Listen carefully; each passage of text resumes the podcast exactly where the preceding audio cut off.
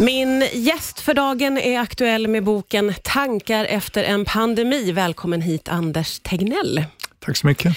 Du, eh, i början av 2020, eh, när pandemin kommer till Europa, så börjar länder i Europa stänga ner, göra så kallade lockdowns i ganska rask takt. Vad tänkte du om det? Nej, men jag och vi tänkte nog väldigt mycket på att det här kan vi lösa på annat sätt. Eh, för poängen var ju att folk skulle träffa mindre andra människor. Eh, och vi såg att det fanns rätt stora möjligheter att gå ut med råd och eh, kanske också rätta upp vissa verksamheter så vi skulle kunna få till ändå, utan ja. att behöva stänga hela samhället. Ja, för det var ju väldigt många som stängde ner rakt av. Ja. Var, var du förvånad över det? Ja, jag var förvånad över det. Jag tyckte det kändes som en väldigt drastisk åtgärd eh, som ju skulle kunna ha potential ha rätt mycket negativa konsekvenser framförallt. Ja. Eh, och det här ledde till att ni hade väldiga diskussioner på Folkhälsomyndigheten om både folkhälsa och etik. Vad var det där för typ av diskussioner som ni hade då? Nej, men det var kanske inte så mycket diskussioner, men framförallt att vi la ihop de här bitarna och försökte få en förståelse för helheten.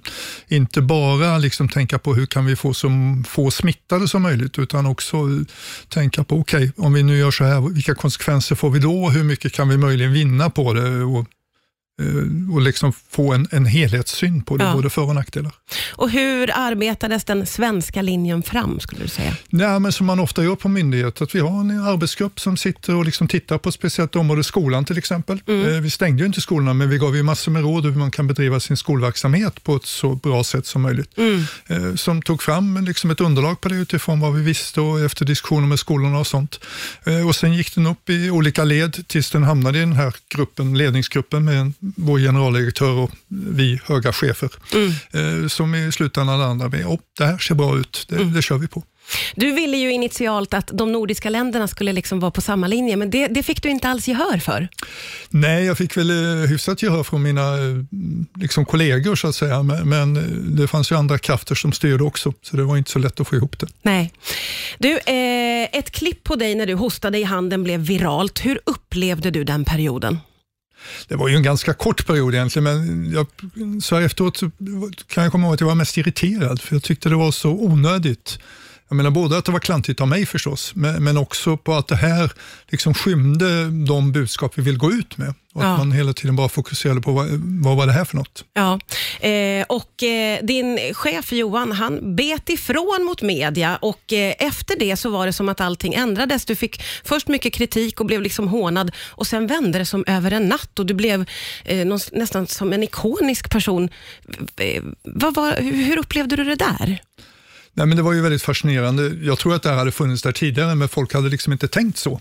Utan det var ju när Johan gick ut och liksom påpekade att vi får ju bara höra det negativa. Då steg väl alla de här fram som egentligen hade trott på oss hela tiden och som var väldigt positiva.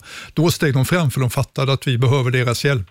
Ja, och det, ja. tycker jag, det var ju fantastiskt positivt. Det är ju liksom, tycker jag, en enorm styrka ja. att man eh, liksom verkligen kan gå ut och eh, stödja Eh, någon i ett, i ja, ett viktigt arbete. Ja, men verkligen. Det blir väldigt tydligt där. Det är Anders Tegnell som gästar idag, aktuell med en bok om hur det var under de där pandemiåren. Och eh, Det förstår vi ju alla att det var en oerhört intensiv period för dig med väldigt, väldigt mycket jobb. Men du kopplade av under den här intensiva perioden genom att hugga ved. Vad är det med vedhuggning som du älskar?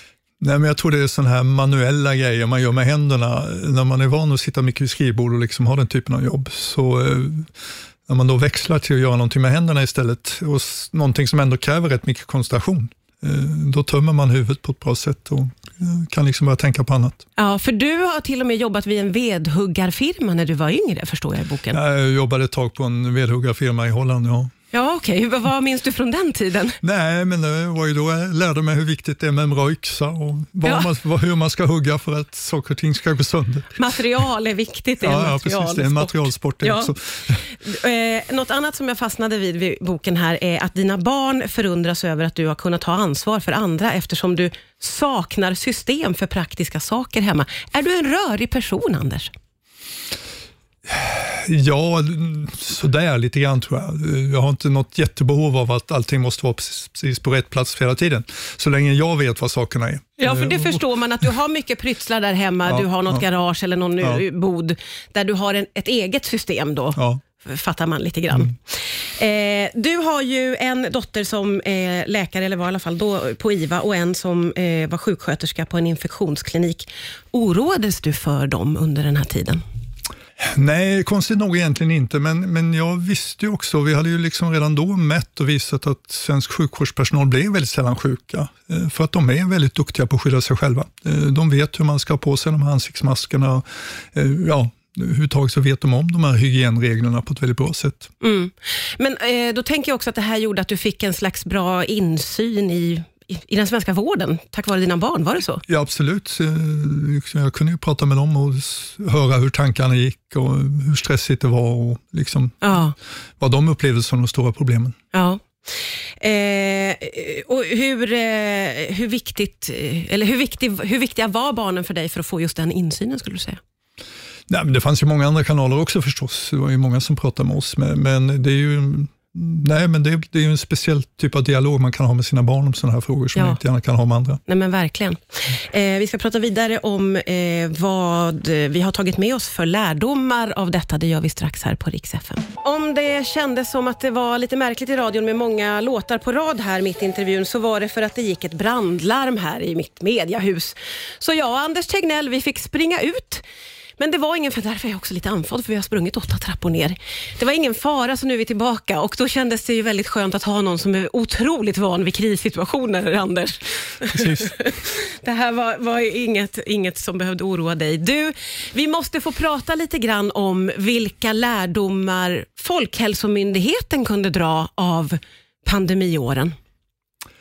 Eh, ja, många lärdomar förstås. Eh, på myndigheten så lärde vi oss väl hur viktigt det är med kommunikation. Det visste vi väl innan också, ja. men, men, inte minst nu, eh, hur extremt viktigt det är att vara där ute och vara där ute ofta och mycket. Ja, just det. Det här med att hålla presskonferenser ja. och hålla folket uppdaterade. Mm. Att man kan inte göra det någon gång då och då, utan man måste verkligen rulla på hela tiden. Ja. Eh, och också det här med hur viktigt det är att ha kontakt med olika delar av samhället. Det här var ju liksom en kris som drabbade hela samhället. Det var inte bara vi och sjukvården, utan alla blev vi drabbade. Mm. Hur jätteviktigt det var att hålla igång dialogen med alla olika ja. typer av verksamhet, som också var väldigt spännande. Ja, just det. Och eh, Vad tog du med dig för personliga lärdomar efter det här? Att man måste vara försiktig med att stå på för många presskonferenser. Jaså, varför då? Ja, så man inte hamnar i den situation som jag hamnade i. Ja. Men du, det här med att du blev en sån känd och viktig profil, det var lite jobbigt tyckte du?